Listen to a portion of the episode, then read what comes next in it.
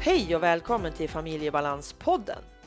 Avsnittets gäst det är Katarina A Sörngård. Hon har varit med i ett tidigare avsnitt, men den här gången då ska vi prata om ADHD, aggressivitet och ADHD-hjälpen.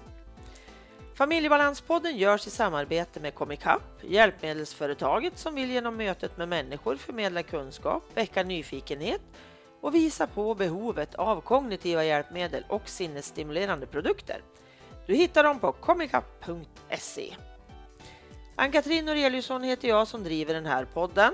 Jag arbetar med att förbättra tillvaron för människor som har NPF i familjen och särskilt då där det finns OCD. Och för dig som vill veta mer om OCD och OCD-hjälpen, vad den kan göra för dig, då går du till familjebalans.se och anmäler dig så kommer mer information om OCD-hjälpen. Men nu kör vi igång avsnittet.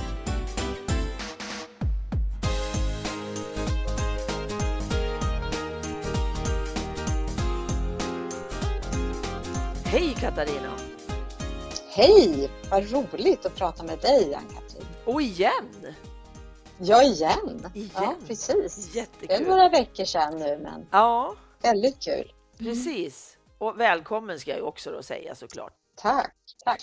Vi ska prata om ADHD Mm. och vi kommer att utgå från din bok ADHD-hjälpen.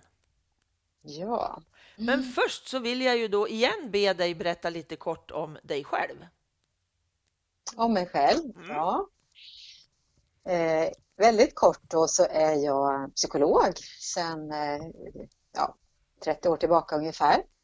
Och eh, är också vad man säger neuropsykolog, eh, specialist på sambandet mellan beteendet och hjärnan kan man säga. Och eh, jag är också då psykoterapeut, jobbar alltså med behandling också. Mm. Och eh, jag har varit verksam inom vuxenpsykiatrin väldigt länge. Mm. Även hjärnskaderehabilitering, även om jag idag har min egen verksamhet. Och jag har tidigt intresserat mig för de här tillstånden som vi kallar för neuropsykiatriska. Alltså det som har med hjärnans utveckling att göra, för det är det det handlar om faktiskt Mm. och har jobbat med det så länge egentligen som man har jobbat med det inom psykiatrin i Sverige. Och har fått vara med och utveckla utredningsarbete, omhändertagandet och utbilda professionella och så. Och eh, jag har allt mer eh, kanske riktat in mig på att försöka hjälpa personerna. Eh, vi har ju utrett väldigt mycket under många år och det har varit mycket tryck på det och det är ju viktigt förstås. Mm. Men det är också viktigt att det leder till någonting, att det förändrar för personen. För Mm. en diagnos i sig behöver ju inte vara så, ja, behöver inte få så stor betydelse om man inte vet vad man ska använda den till. Nej. Så att behandling brinner jag för när det gäller eh, hela den neuropsykiatriska gruppen, men eh, också ADHD förstås. Mm. Fantastiskt tycker jag, för just det där har jag tänkt många gånger också. Vi har jättemycket kunskap idag och nu måste vi Ja. använda den här kunskapen som vi har Ja. skaffat oss i de, på de här Ja. åren. Det är viktigt. Och jag tänker ju, behandling kan ju vid ADHD vara mediciner och det har vi ju använt eh, ganska länge nu. Mm. Och det kan ju vara alldeles utmärkt förstås. Många har ju god hjälp, men det, det, för många är det inte tillräckligt utan man behöver också psykologisk behandling. Absolut. Eh, och för vissa eh, så fungerar ju faktiskt inte medicinering alls eller man vill inte medicinera av något skäl och då är det ju ännu viktigare att man får möjlighet till annan hjälp. Mm. Mm. Precis, för jag har ju provat, jag har ju själv ADHD sen, alltså då har jag ju Mm. haft det hela mitt liv, men jag diagnostiserades när jag fyllde 60. Och jag har Ja. provat Mm. medicin efter det, för jag ville väldigt gärna testa för att se om jag kunde få någon, någon slags lugn i min hjärna. Men jag har Ja. en annan sjukdom som gör att jag är så muntorr, så jag kan inte äta de Aha. medicinerna. Nej, Så jag det var en förstår det. jättebesvikelse måste jag säga. Det var en riktig besvikelse, för jag tänkte att då kanske jag kan få någon, någon, något lugn så att jag kan liksom slutföra saker och alla de här delarna som jag har svårt med då Ja, i min ADHD. Men men det tyvärr, gick inte. nej. Så att jag söker ju hela tiden med ljus och lykta efter de här. Vad kan jag hitta för strategier? Vad kan jag liksom hur ska jag få min chef i min hjärna att vila? Just det. För Mm. den vilar aldrig kan jag säga. Nej. Utan den är på gång hela tiden. För sekreteraren är liksom på semester kan man säga. Ja, ja, är en bra bild. Ja, men lite så känner jag. Att ibland så beskriver man ju ADHD som avsaknad av en sekreterare. Det är ingen som håller ordning Mm. liksom. Nej. Och det har ju inte jag. Precis. Verkligen inte. Nej. Så att det här blir Mm. ett, ett jättespännande samtal tänker jag. Vi, vi pratar lite om, du sa att du var med lite från början där när vi började titta på utredning och ADHD och vad är MPF överhuvudtaget och så. Va, vad är du i för Mm. år då ungefär? Är det 90-tal eller är det 80 eller? Alltså, om man tänker Stockholm som väl, eh, jag tror att övriga landet har följt efter med något undantag kanske, så var det så att i Stockholms län så blev psykiatrin ansvarig för att utreda och behandla den här kategorin personer Mm. i ja, slutet av 90-talet, början av 2000-talet. Mm. Så det är ju i, i förhållandevis ganska kort tid. Mm. Sen är det självklart att man även innan det gjorde en del eh, sådana utredningar men man hade liksom inte fått det här utredningsansvaret eh, beskrivet för sig på det sättet. Det var då också man startade specialistenheter och så för att eh, driva den här utvecklingen framåt. Mm. Ja, det var ju slutet på 90 som mina barn utreddes. Ja, Och kunskapen var ju inte jättehög. Jag hade aldrig hört talas om ADHD då när vi Nej. kom in till BUP med barn i fullständig familj i fullständig kaos var det ju. ja Jag fattar nej, ju ingenting liksom. Hur, hur ska vi bete oss? Är det ba jag trodde ju hela tiden att det var jag som var, Ja. eller jag och min man då, att det var vi som var det stora problemet. Så lättnaden Ja. var ju enorm när vi fick veta att ni gör ju så gott ni kan. Ja, Men Visst. med facit i hand och jag med egen diagnos eller med egna problem inom ADHD har jag ju förstått i efterhand att jag har ju faktiskt bidragit en del med min röriga hjärna. ja hur, hur tänker du bidra? Då? Ja. Vad är det du tänker på där? Jag har nog bidragit till en del kaos därför att jag Mm. har inte kunnat hålla ordning på att vi skulle packa alla väskor dagen innan och jag har inte kunnat haft Nej. den här framförhållningen som jag hade behövt. Nej, Och på- precis. Mm. Jag anser inte att jag är upphovet till ADHD i vår familj, men jag har, hade jag inte haft det så tror jag att jag hade kunnat hålla en bättre ordning än vad jag har gjort. Just med det här allting som skulle planeras i förväg och kommas ihåg. Det. Och, och, alltså, jag gjorde ett fantastiskt jobb, det vet jag ju. Ja. Med, Ja. med mina förutsättningar, men eh, det Mm. har strulat till det en del. Ja, och det är ju väldigt, väldigt begripligt att det, att Ja. det blir så. Ja, Eh, Det blir ju egentligen kanske en arbetsbörda som blir övermäktig att Mm. eh, klara det. mm. Eh, Det är oerhört ansträngande om man själv har utmaningar när det gäller organisation och planering och så Ja. har man barn som verkligen skulle behöva att man kan hålla hårt i strukturen Ja. och ligga, ha framförhållning och så. Det blir ju väldigt stora krav på personen. Ja, och jag tänker summa summarum av det, tänker jag. Tidig upptäckt. Ja, Alltså inte vänta tills folk är 60, men nu hade man inte kunskapen alls på 50-60-talet när jag växte nej, upp. Men Nej, idag tänker jag, har vi den möjligheten att upptäcka det tidigt? Man ska inte behöva bli vuxen innan man får reda på problematiken, för då kan vi få hjälp. nej. Precis, och det, det vet man väl, får man väl i alla fall säga, att eh, tidig upptäckt eh, och eh, bra hjälp då, eh, Mm. behandling. Det kan vara medicinering, det kan vara annan hjälp, det hjälp Mm. och stöd i skolan kanske Ja. framför allt och så. Kan göra att eh, man eh, kompenserar för sina svårigheter, självkänsla, självförtroende Mm. växer för man klarar av sina utmaningar, man behöver inte hamna utanför systemet, man eh, fullföljer skolan, man Mm. klarar av arbetsliv och så vidare och man, man mår bättre, man förhindrar annan, andra eh, tillstånd som kan utveckla sig, Ja, exakt. depression, och ångest och så. Så det är ju angeläget, det är det verkligen. Ja, men exakt. Och jag tänker, de olika NPF-diagnoserna är ju inte synonymt med psykisk ohälsa, men det kan ju bli Nej, det. Det tänker jag. kan vara Ja. så att det utvecklas och Precis. vid ADHD så är ju det här vi kallar samsjuklighet, alltså att man Mm. har mer än ett tillstånd. Mm.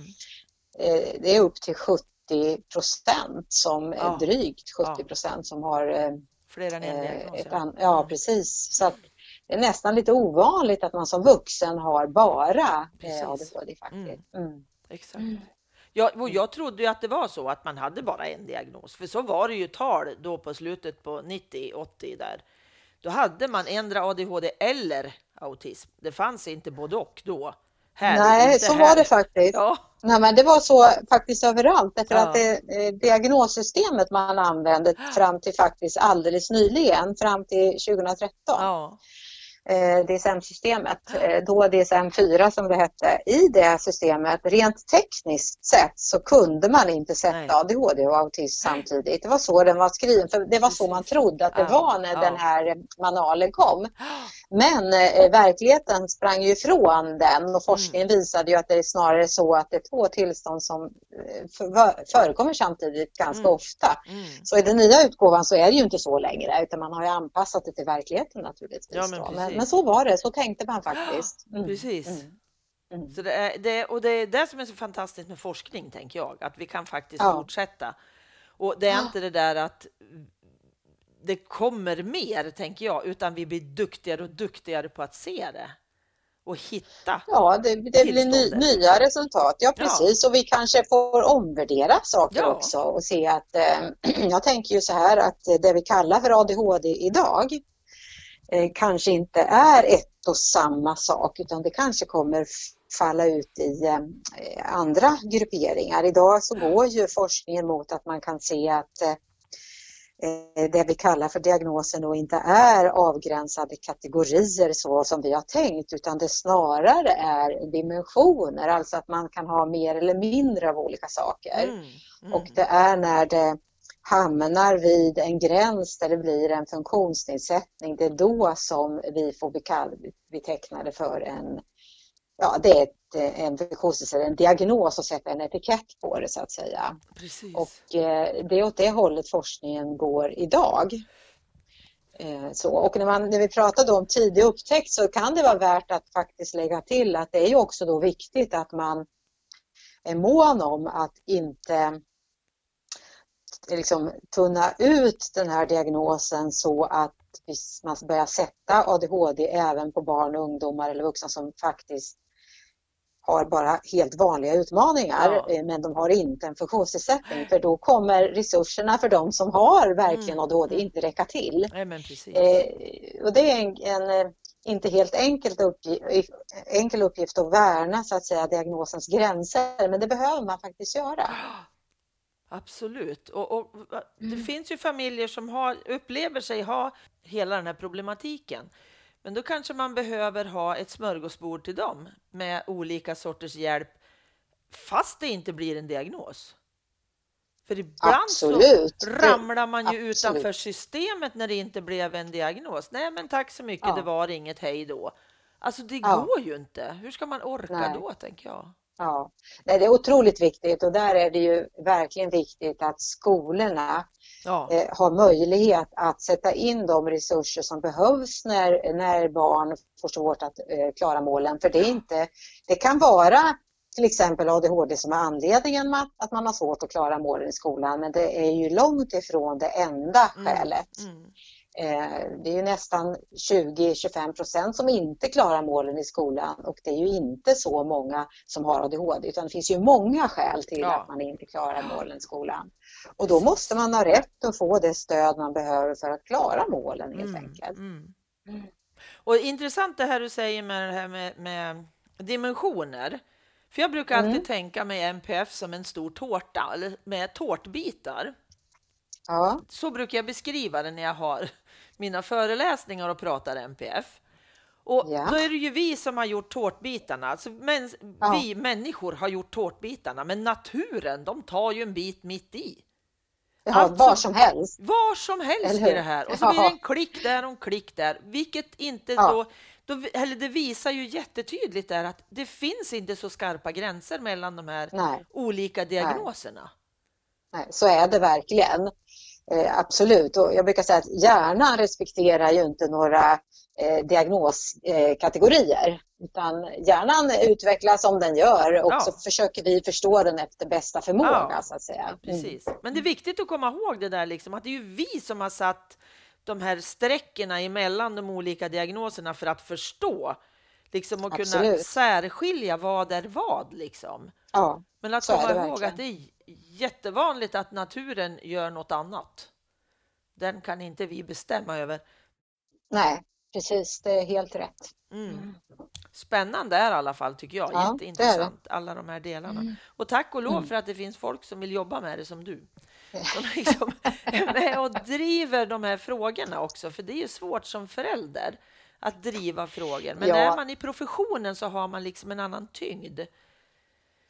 Ja, man kommer från ett annat håll Ja. tror jag. Sen är ju en patient, om jag använder det ordet då, Mm. då eh, även om man är ju inte patient när man inte är på en vårdinrättning, Nej. men människor som har diagnoser och anhöriga är ju otroligt viktiga Absolut. eh, i det här eh, Ja. arbetet som påtryckningsgrupp Ja. och också för att öka förståelsen i vårdapparaten hur det Mm. faktiskt är att leva med det här. För det Mm. kan ju vården ibland där kan det Ja, finnas ja. begränsningar inom vården i förståelsen i Ja. mötet och så. Mm, absolut. Och sen kommer nästa problem när barnen då blir 18.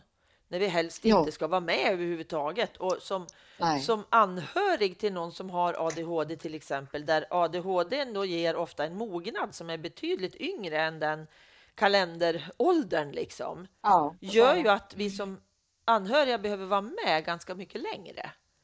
Och då är det bra om man bjuds in och inte stoppas i dörren tycker jag. Men Nej. många gånger, för, för vill den där mitt barn då ha mig med som förälder är det ju jätteviktigt tänker jag att jag faktiskt blir inbjuden. Ja, absolut. Det, det är verkligen viktigt, absolut. Ja, Jag brukar faktiskt när jag träffar ungdomar då, om jag tänker, vi tänker nu faktiskt under 25, det Mm. kan vara över också för den delen, men och man, eh, man kanske bor hemma fortfarande eller i alla fall föräldrarna är ett viktigt stöd i Mm. ens liv. Eh, Då brukar jag föreslå att man tar med sig någon av sina föräldrar eller båda till det allra första samtalet för Mm. att eh, hjälpas åt och beskriva situationen. Och det brukar underlätta för fortsatta behandling väldigt mycket. mm. Sen kan det vara så att den som är ung själv inte vill och då har man en annan situation. Eh, Men, men, och det kan finnas konflikter och det kan finnas Ja. förklaringar till det. Men när det går är det ju väldigt hjälpsamt. ja men precis. För det blir en mer hel bild tänker jag.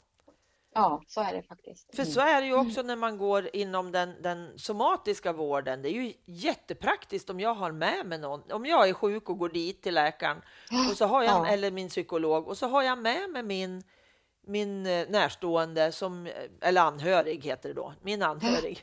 För Ja. att den kommer ju ihåg mycket bättre kanske än jag, för jag är ju uppe, upptagen i mitt liksom. Ja, och det kan man ju behöva långt upp Ja, i åren, alltså visst. hela livet. Ja, det men behöver ju absolut. inte ha med ålder att göra, tänker Nej. jag. Precis. Ja, Mm. och sen så tänker jag någonting som då inte vi har i våran familj, men som jag hör Mm. väldigt, väldigt, väldigt många har problem med. Det är ju aggressivitet. Ja, Och det pratar Det du om i boken. Det skriver du om i boken. Just det här med ja. att det är ju det gör jag. inte jätteovanligt. Nej, precis. Och eh, särskilt att reglera Ja. aggressiviteten. Det är ju en av, det är ju fem personer som är med Ja. i boken som har varit patienter hos mig och en av dem, Ulf heter han ju i boken. Mm. Det heter han ju inte i verkligheten förstås, men i boken heter han Ulf. Han, det är hans eh, främsta problem faktiskt. eh, Nu då när jag inledde behandling med honom, nu är det Ja. många år sedan, men när jag gjorde det. Eh, mycket hade rättat till sig för honom, men aggressiviteten var fortfarande ett jättestort problem för han tappade kontrollen över sig själv. Ja, Och han hade då också småbarn och eh, han, han var klok, han förstod att det här håller ju inte. Eh, Och han ville inte upprepa sitt eget liv för sina barn så att säga. Han hade dåliga erfarenheter av aggressivitet i sin familj när han växte upp. mm. Eh, Och eh, ja, jag ska säga att personer med ADHD är nog kanske egentligen inte eller diagnosen ADHD, det innebär nog inte att man egentligen är aggressivare än andra, men däremot har man svårare att reglera sin Ja. aggressivitet. Och aggressivitet är ju en sån där känsla som är oerhört intensiv och som uppförstoras av att tänka på den. Så att man, man argar upp sig som jag tror Astrid ja, Lindgren skriver någonstans. Ja. Ehm, och det är lätt att arga upp sig. Visst. Eh, det verkar också vara en känsla som tar eh, liksom hela uppmärksamheten i anspråk. Så att, eh, en del säger att det svartnar för ja, ögonen. Ehm, det gör det ju förstås inte bokstavligt men det är en bild för att man tappar omdömet i den här stunden mm. och känslan tar makten över en. Mm. Så det, det, är nog karaktären av själva känslan Okay. Eh, som eh, tror jag gör att den är extra svår att reglera om man har ADHD. Mm. Mm. Syftet med aggressivitet är ju i någon bemärkelse att vi ska också försvara oss. Mm. mm. Från början kanske försvara oss mot anfallande Tigrar. rovdjur ja, eller precis. andra stammar och så vidare. Men idag handlar det kanske mer om att försvara min självbild, min självuppfattning och så. Mm. Eh, men det är ju lite att gå till attack som ligger i själva känslan. Va? Ja, och den är ju naturlig egentligen, bara det att det blir ja, fel på fel ställen ja, och, och, den blir för stor kanske i relation till vad det är, vad jag är arg ja. på. Så. Ja, precis, men, det blossar upp. Ja, men mm. precis. Mm. Hur jobbade du då med Ulf där i, liksom, hur gjorde ni behandlingen för att hjälpa honom? Ja, då är det ju inte så att man bara kan säga nu går du hem och så reglerar du din aggressivitet så att du blir mindre arg och så adjöss och goodbye. Så går det inte till utan det är ju ett lång, alltså det är ett arbete som tar sin tid och eh, mm. för, första eh, kravet är ju att man då som klient eh, upplever själv att det här är ett problem som jag faktiskt är motiverad att jobba med. Ja. Eh, så att det inte är så här att eh, min, min anhörig eller min familj vill det här men själv tycker jag inte det är ett problem. Då kommer man ju inte lyckas. Utan man, man måste själv verkligen vara motiverad och så, så är det ju med alla problem egentligen. Ja. Och försöka ringa in i vilka situationer är det som det tänder till? Vad är det för triggers liksom? Mm. Och eh, för Ulf så var det, väl, det blev väldigt tydligt att det var inte så att det hände hur och när som helst. Eh, han gick inte omkring som en tickande bomb jämt, så var det ju inte. Han hade mycket som man säger sårbarhetsfaktorer som ökade risken väldigt mycket för att han skulle bli arg. Mm. Något som vi väldigt tidigt identifierade var ju liksom alkohol och det var vi tvungna att eh, utesluta för att lyckas i behandlingen. Okay. Alltså han, ja. han, kunde inte dricka alkohol, det var väldigt uppenbart så. så att, mm. han, han fattade beslutet att det inte är värt det här att riskera att mina barn tar skada, att jag förlorar min familj mm. för att jag ska dricka alkohol. Så han valde bort alkoholen helt då. Okay. I samförstånd med mig så, så kom vi fram till det beslutet, det enda rimliga i det här läget. Mm, mm. Man får eh, börja i också, toppen, tänker jag, av isberget liksom. Ja, man måste hitta det ja. man kan göra så att ja. säga. Så det valde han bort. Sen mm. annat som eh, var eh, riskfaktorer för honom, det var ju sömnbrist och stress. Okay. Så om han hade sovit dåligt mm. eller var väldigt stressad, och han var väldigt stressad för han planerade ju inte överhuvudtaget sitt liv när vi började träffas, Nej. så hamnade han ju ständigt i situationer som gjorde att han, han kunde inte hantera dem. Och han var ju småbarnsförälder då och det vet ju alla som har småbarn att det finns ju många situationer där man vem som helst tappar fattningen för man har ont om tid. En buss mm. ska gå, man ska till ett viktigt möte, barnen krånglar, mm. man är svettig med alla kläder på och det blir kaos i huvudet. Och så skriker man. Va? Mm. Eh, eller hotar eller någonting sånt där. Och det, det hände ju honom hela tiden. Så när han började eh, få grepp om hur han kunde göra för att eh, utsätta sig för mindre stress Eh, och där var ju att planera livet på ett bättre sätt en, en väldigt viktig nyckel. Mm, eh, mm. Så att vardagssituationerna blev mer hanterbara. Mm. Till exempel planera ser framför sig nästa morgon. Mm. Ja, okej, nästa morgon är det ju jag som lämnar. Mm. Och vad kan jag göra nu för att underlätta för mig själv? Jo, jag börjar lägga fram alla saker jag tänker igenom. Jag packar barnens väskor dagen innan. Mm. Jag går upp i god tid. Mm. Det var en viktig faktor för honom för han var väldigt stressad på morgonen. Så gå upp i god tid. Och skulle han kunna gå upp i god tid så behövde han också jobba med att lägga sig i god tid för det gjorde han inte. Han satt uppe väldigt länge på nätterna och sov ju för lite. Ja. Så att planera sina dagar, ha bra rutiner, bra strategier för sådana saker Mm. eh, underlättade väldigt mycket. Sen när han var, om han ändå hamnade i en situation där han förstod att nu kommer ilskan slå till. Mm. När han började bli så medveten att han såg det, förstod det, så var det viktigt för honom att lämna situationen. Okej. Att att backa ur, som vi kallar det för. Mm. Och det kunde vara sånt som att säga till barnen att nu måste pappa bara gå undan en liten stund för nu håller pappa på att bli arg. Så pappa går undan lite och så Ja. andas. Och så använde han, sig av strategier vi jobbade med då i behandling för att han skulle kunna ta, ta kontrollen över känslan och reglera ner den. Och då Mm. beskriver jag ju olika sådana strategier i boken Mm. som man kunde använda Mm. när, det, när det verkligen brann till. Mm. Men det viktigaste är att förebygga att det brinner till. Mm. Det är ju För har man ADHD är det svårt. I, I skarpt läge är det väldigt, väldigt svårt. Mm.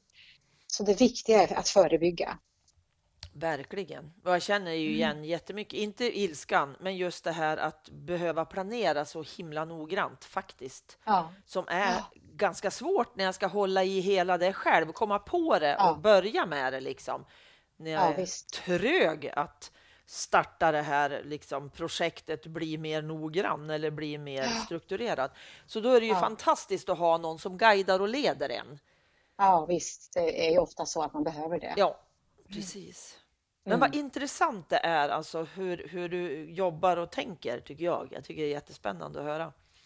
Och det viktiga är väl att det trots, eh, för de som inte har läst boken så vet man ju inte då att Ulf har en väldigt besvärlig bakgrund och, och hans liv strulade ju oerhört tidigt i Mm. livet. Eh, och det är inte mycket som har funkat. Han har ju till och med blivit dömd och suttit inne i fängelse och Mm. sådana saker.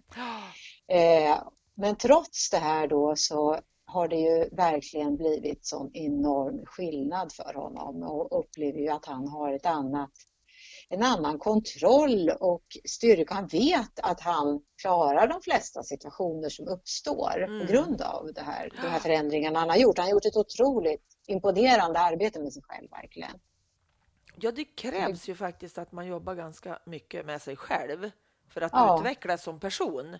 Ja, det gör det. Med eller utan funktionsnedsättning så behöver vi utvecklas hela vägen på något vis. Det, ingenting händer ju bara av sig själv. Nej. Och har jag då en diagnos kan det ju vara tuffare saker jag behöver faktiskt ta tag i. Det är tuffare, Ja.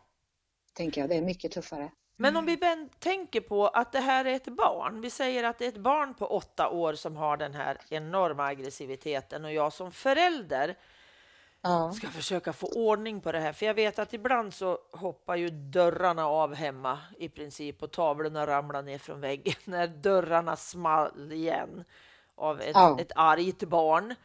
Och jag läste en tråd på Facebook här alldeles i dagarna om en Ja. åttaåring som blev så arg så dörren gick åt skogen helt till Ja. något av rummen i huset. Och det är ju skrämmande att läsa en del av kommentarerna tycker jag.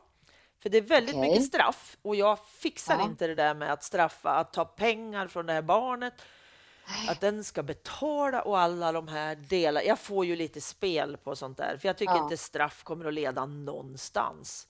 Nej. Och det Nej, var då en, en mormor också som skrev, men om jag har gett det här barnet presentpengar, ska det gå till att laga dörren? Det tycker inte jag. Och det vart en intressant diskussion faktiskt. Ja, ja. Men hur tänker du? Hur ska, jag, hur ska jag göra med min åttaåring som är så arg emellanåt? Ja. Det låter ju som åttaåringar har jättestarka känslor. Ja. Ehm, dels tänker jag så här att är det någonting psykologin har visat och forskningen har visat så är det att bestraffning är ett väldigt dåligt sätt att lära sig någonting. Mm. Man lär sig väldigt lite på bestraffning. Man lär sig möjligen att bli rädd och undvika att göra saker så länge den som är där kommer bestraffa en. Eh, konsekvensen blir också att relationen till den som bestraffar blir skadad. Ja. Tar skada. Eh, och det viktigaste vi har för att hjälpa våra barn att fungera det är styrkan i den kärleksrelation som vi har till vårt barn. Ja. Eh, Den, den är det som kommer hjälpa barnet mest. Det som, eh, när barn gör så här, om vi nu tänker då att sammanhanget är att barnet har ADHD, Mm. för alla barn kan ju bli rasande, Ja, det ja, behöver ja. de ju inte ha en diagnos för så att säga. Men om vi tänker att barnet har faktiskt ADHD, eh, så är, eh, och den gör så här så är det ju inte så att barnet inte vet att man inte får slå sönder dörrar. Det är ju inte Nej. brist på kunskap.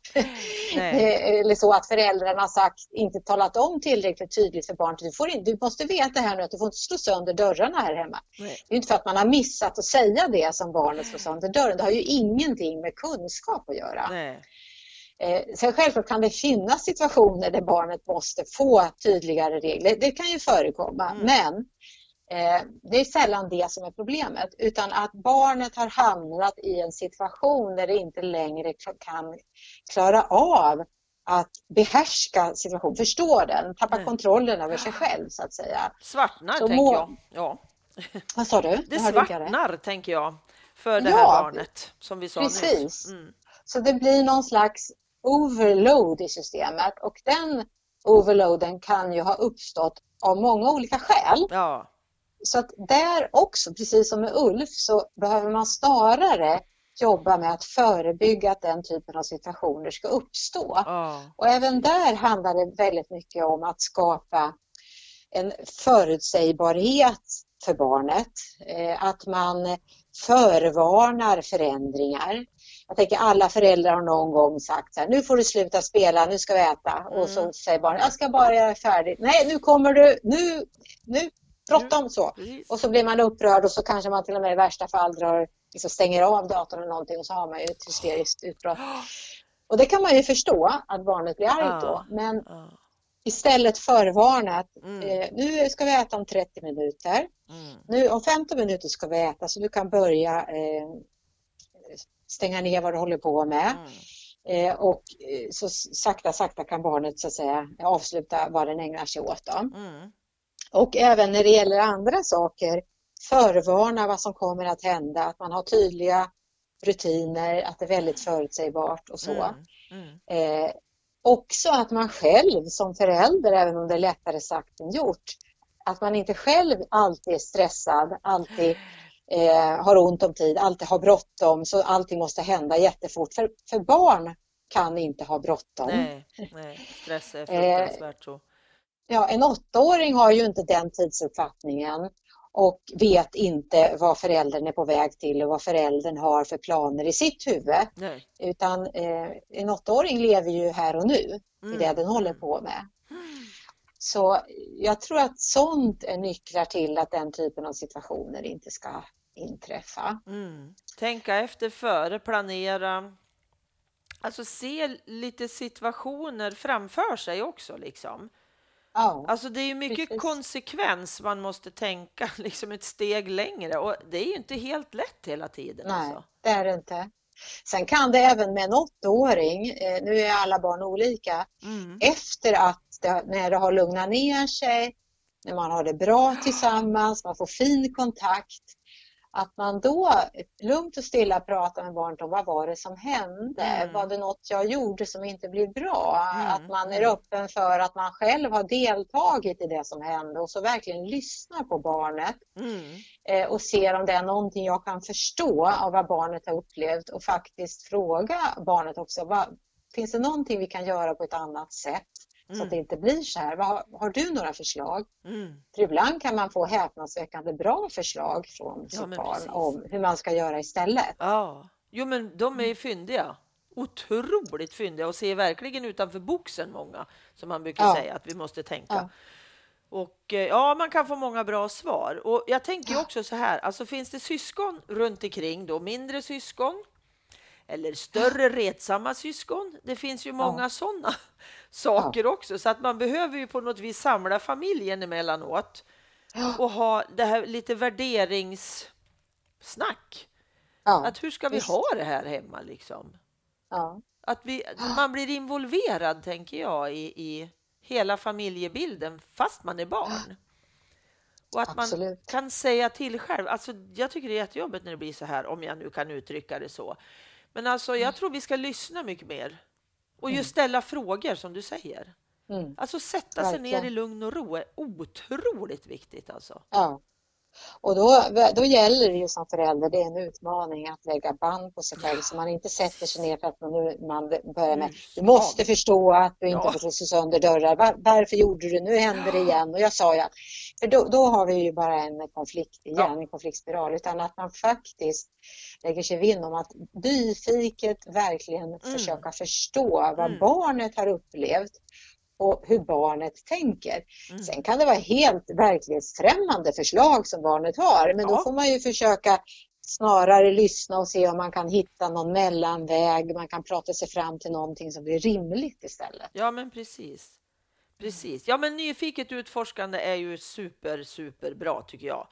För Ja, vi ska vara verkligen. så nyfikna på våra barn Ja, och våra vuxna närstående som har en problematik. Alltså just det här samtalet ja, och att det här äh, intresset, att någon visar intresse för mig. Varför blir det så där för dig?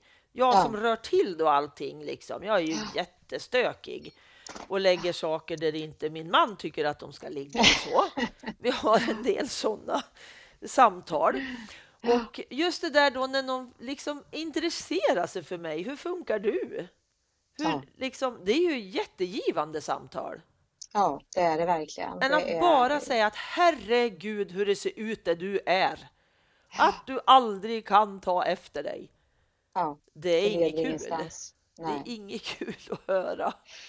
Det finns ju en väldigt bra metod tycker jag som eh, jag tror nog att det är Ross Green som presenterade den i någon av sina böcker Mm. från början. Sen är jag inte hundra på den inte kommer någon annanstans ifrån, men det spelar ingen roll. Jag, jag brukar kalla den för ABC-metoden och jag Mm. lyfter ju den också att ehm, eh, det handlar egentligen om hur man kan prioritera konflikter. Ja. Eh, Och eh, en A-konflikt är en sån här konflikt som handlar om barnets säkerhet eller någon annans säkerhet och de, de, det kan man liksom inte tulla på. Då får man genomlida ett krig för Ja. det Ja. Och vara förälder som bestämmer. Att barnet måste använda säkerhetsbälte i bilen, det Mm. diskuterar man inte till exempel. Nej. Ehm, så. Och eh, B-konflikter, det är sådana konflikter där man får vara beredd på att faktiskt göra lite avkall på sin föräldraauktoritet och eh, lära barnet eh, problemlösning. Att man använder sådana konflikter för att lära barnet att kompromissa och lösa problem med andra människor. Mm. Mm. Och så C-konflikter, det är sådana konflikter som man kanske faktiskt får se emellan fingrarna med. Att det är okej, det är kanske inte så kul att det ligger framme grejer, men i sammanhanget är det inte viktigt. Nej. Eh, och eh, har man barn med funktionsnedsättningar så är det ganska mycket som måste kategoriseras som C-konflikter. Mm. Eh, Mm. Så att man faktiskt låter det vara. Jag brukar säga, det är många föräldrar som eh, blir skräckslagna när jag säger det, men en sån sak kan till exempel vara att barnet inte behöver städa sitt eget rum. Nej, Det är säkert precis. många som reagerar när jag säger det, men om jag har stora utmaningar, det är någonting som jag faktiskt inte klarar av och det alltid blir ett krig om det, Mm. då kan det vara mycket bättre att man bestämmer att barnet inte behöver göra det för att använda energin eh, till annat som är betydligt viktigare, Mm. som att sköta skolan till exempel. Eh, Eller inte ha en fruktansvärt fientlig eh, stämning hemma. Det är ju skad, skadligt liksom för ett barn. Mm. Mm. Eh, och de här då B-konflikterna kan ju handla om sånt som att barnet faktiskt inte tycker att det är dags att göra läxorna just nu. Och så kan man genom att nyfiket lyssna mm. och inbjuda barnet att komma med olika lösningar på det här problemet. Tillsammans hitta en lösning som barnet och föräldern faktiskt kan vara överens om. Mm. Det, det kanske inte är det som föräldern tycker är det absolut bästa och det är inte det barnet helst vill. Men man kanske kan enas om det och det får vara tillräckligt bra. Ja. Och, och barnet lär sig att min röst spelar roll. Eh, min förälder lyssnar på mig jag får vara med och bestämma eh, vad som ska, hur mitt liv ska vara. Inte hur mycket som helst, men inom vissa ramar. Mm, mm. Eh, och det är en lärdom som ju man i livet har jättestor glädje av att man kan lösa problem. Mm, mm. absolut, absolut. Mm. Absolut. Jag gillar dina ABC. Ja, det finns på fler tillfällen ja, ju, där prioritera precis. och så. Ja, ja. För jag tycker de här listorna, nu får jag direkt över till dina att göra-listor. Just det. Som jag har mm. jättebra hjälp med, för jag har ju att göra listor i metervara. Ja. Men just att prioritera in dem. Vad är akut? Vad är det här mittemellan inom veckan och se ja. när inom en månad eller jag vet inte hur du. Jag kommer inte riktigt ihåg hur du tänker, men jag tänker lite så. Ja, ja. Och jag tycker det är så bra, för mina listor vart ju helt annorlunda. Ja, eller hur? De blev ju greppbara. Ja, precis. Suveränt! Ja, och man kommer ju bort ifrån det här att man, man gör en att göra-lista och så börjar man med det som går fort och lätt. Ja. Eh, för det gör man ju ofta va? och det behöver ju inte alls vara det som är det viktigaste. Nej, nej. Utan eh, att man börjar med det som faktiskt är akut då, som ja. A står för. Mm. Eh, den, är, den, den är jättebra, den, det tänket ja. med ABC, både i det här i fråga om vad är viktigt hemma hos oss Ja. Och vad är viktigt på min att göra-lista? Alltså det är ju ja. lite samma sak men ändå olika saker. Ja, precis. Man prioriterar faktiskt. Ja, mm. jo, du har ju mm. utvecklat det här att välja sina krig till ABC. Ja. Tycker jag är bra. För det, det, är ju inte bara att välja kriget eller inte, utan det, ju, det finns ju faktiskt ett mellanting också. Ja, det gör det faktiskt. Jätteintressant, verkligen. Mm. Mm. Toppen! Ja, vad bra att du tycker att det är användbart. För ja, det är ju det jag eftersträvar, att det ska, det ska vara användarvänligt. Ja. Det ska funka i vardagen helt enkelt. Precis. Men i boken finns det ju massor av sådana här listor. Visst finns de att skriva ut även till ADHD-hjälpen på Natur och kulturs hemsida? Ja, alla formulär som man kan använda själv när man ska jobba med sig själv finns att skriva ut ja. på eh, Natur och kulturs hemsida. Det, jag tror att det heter extra material. Så. Om man har boken så kan man gå in där och eh, trycka ut de här formulären. Ja. Eh, och det är klart, om man, att använda dem bara så är ju svårt. Man ja. behöver ju ofta läsa instruk instruktioner absolut, i boken absolut. för att förstå hur man ska göra. Absolut. Men eh, det kan vara väldigt hjälpsamt. Ja, mm. de, de är jättebra tycker jag. De här ja. de är jättebra. Mm. Mm. Riktigt bra.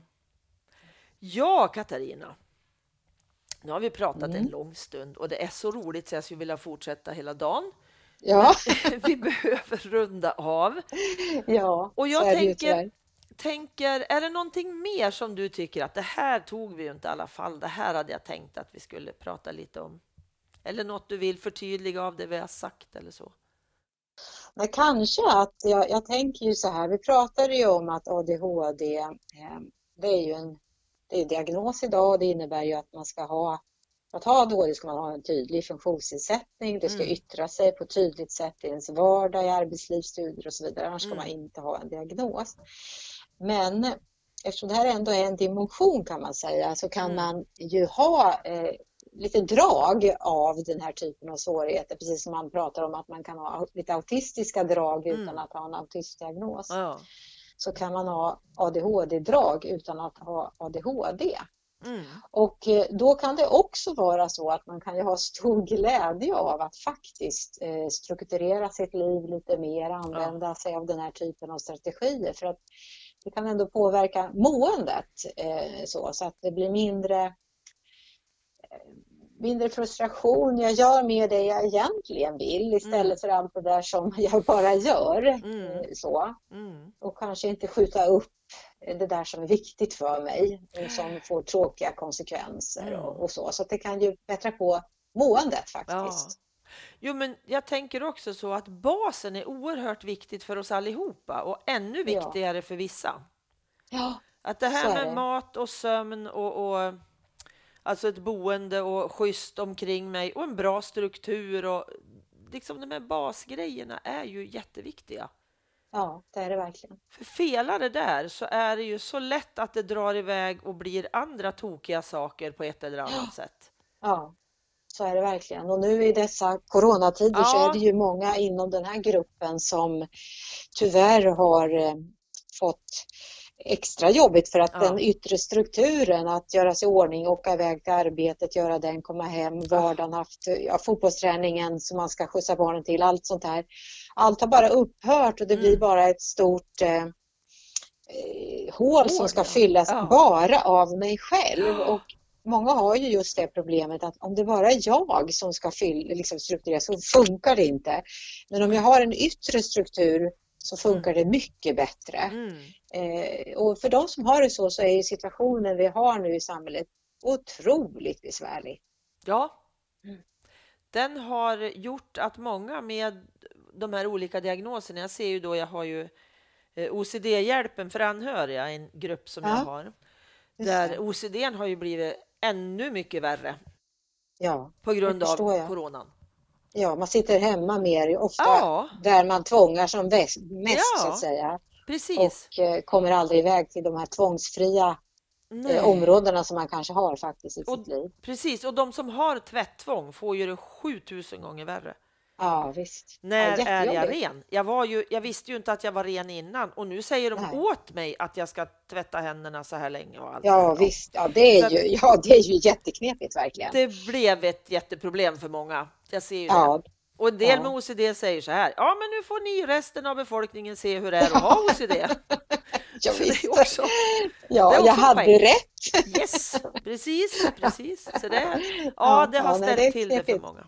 Helt mm, klart. Verkligen. Mm. Så att eh, ja, nu får vi åtminstone då äta rätt, sova och hålla oss på banan i de här basgrejerna.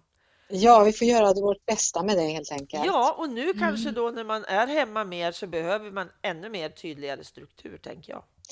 Ja, jag tror faktiskt ja. det. Det här att kanske ha som grund, jag går ut en gång varje dag. Ja att ta en promenad av dagen. Jag har mina fasta måltider så att inte allt flyter ihop. Jag tror man blir mindre hungrig också när man bara sitter ja. hemma framför sin dator. Så att man faktiskt har sin tydliga struktur. Mm. Och då, då klockan 17 och vara, nu är arbetsdagen slut. Mm. Stänger jag dörren om jag har ett rum, om ja. jag hade den förmånen, eller stänger igen datorn och stoppar undan den. Att man är tydligare med det där för att allt flyter ihop annars. Ja. Ja, det här behöver ju jag titta över jättemycket. Det känner jag ju direkt, för jag, min, mina mattider de flyter ju ut nu när jag sitter hemma hela ja, det är tiden. Jättelätt. Det är jättelätt. Men jag har faktiskt ja. bestämt att jag ska gå, jag ska promenera till jobbet, fast det ja, bara är nästa rum. Men jag går ut för att gå tio minuter. Jättebra. Ja, jag måste, för annars kommer jag aldrig ut. Jag kommer ju inte ens ur nattdräkten nästan. Jag kan ju gå och sätta mig direkt och jobba, för jag tycker det är ganska kul. Visst. Men ja. alltså, det funkar ju inte i längden. Jag blir ju jättetrött. Längden blir det inte bra, ja Nej. precis. Jag blir jättetrött och det blir inget mm. kul mm. och inte stänga igen datorn heller och ha en arbetsdag nej. utan nej, jag behöver se över det, helt klart. Ja. Helt mm. klart. Men idén att gå till jobbet fast man jobbar hemma tror jag är lysande. Ja, faktiskt Verkligen. så har det hjälpt mig mycket och jag känner mig så nöjd och stolt. Att jag kom ja, man, ut. man blir ju pigg. Ja. Man blir ju lite krispigare i hjärnan innan ja, men man sätter faktiskt, sig. Ja, ja. Man måste, jag måste bryta ibland, fast jag får ju tvinga mig till det, för jag blir ju sittande jättelänge. Jag har jättesvårt att göra de här pauserna om inte jag ställer klockor och har ja. andra uppgifter liksom. Nej. Nej, men då kan det vara viktigt. Ja, mm, verkligen. absolut. Mm. Tusen tack Katarina för det här samtalet. Tack själv. Tack för att jag fick vara med. Det är så spännande att lyssna tycker jag. Jag tycker det är, jag älskar ju de här ämnena. Jag, så att och det är kul att prata med dig. Jättekul. Tack ska du ha, detsamma verkligen. Ja, tack ska du ha. Mm, tack, hej. hej.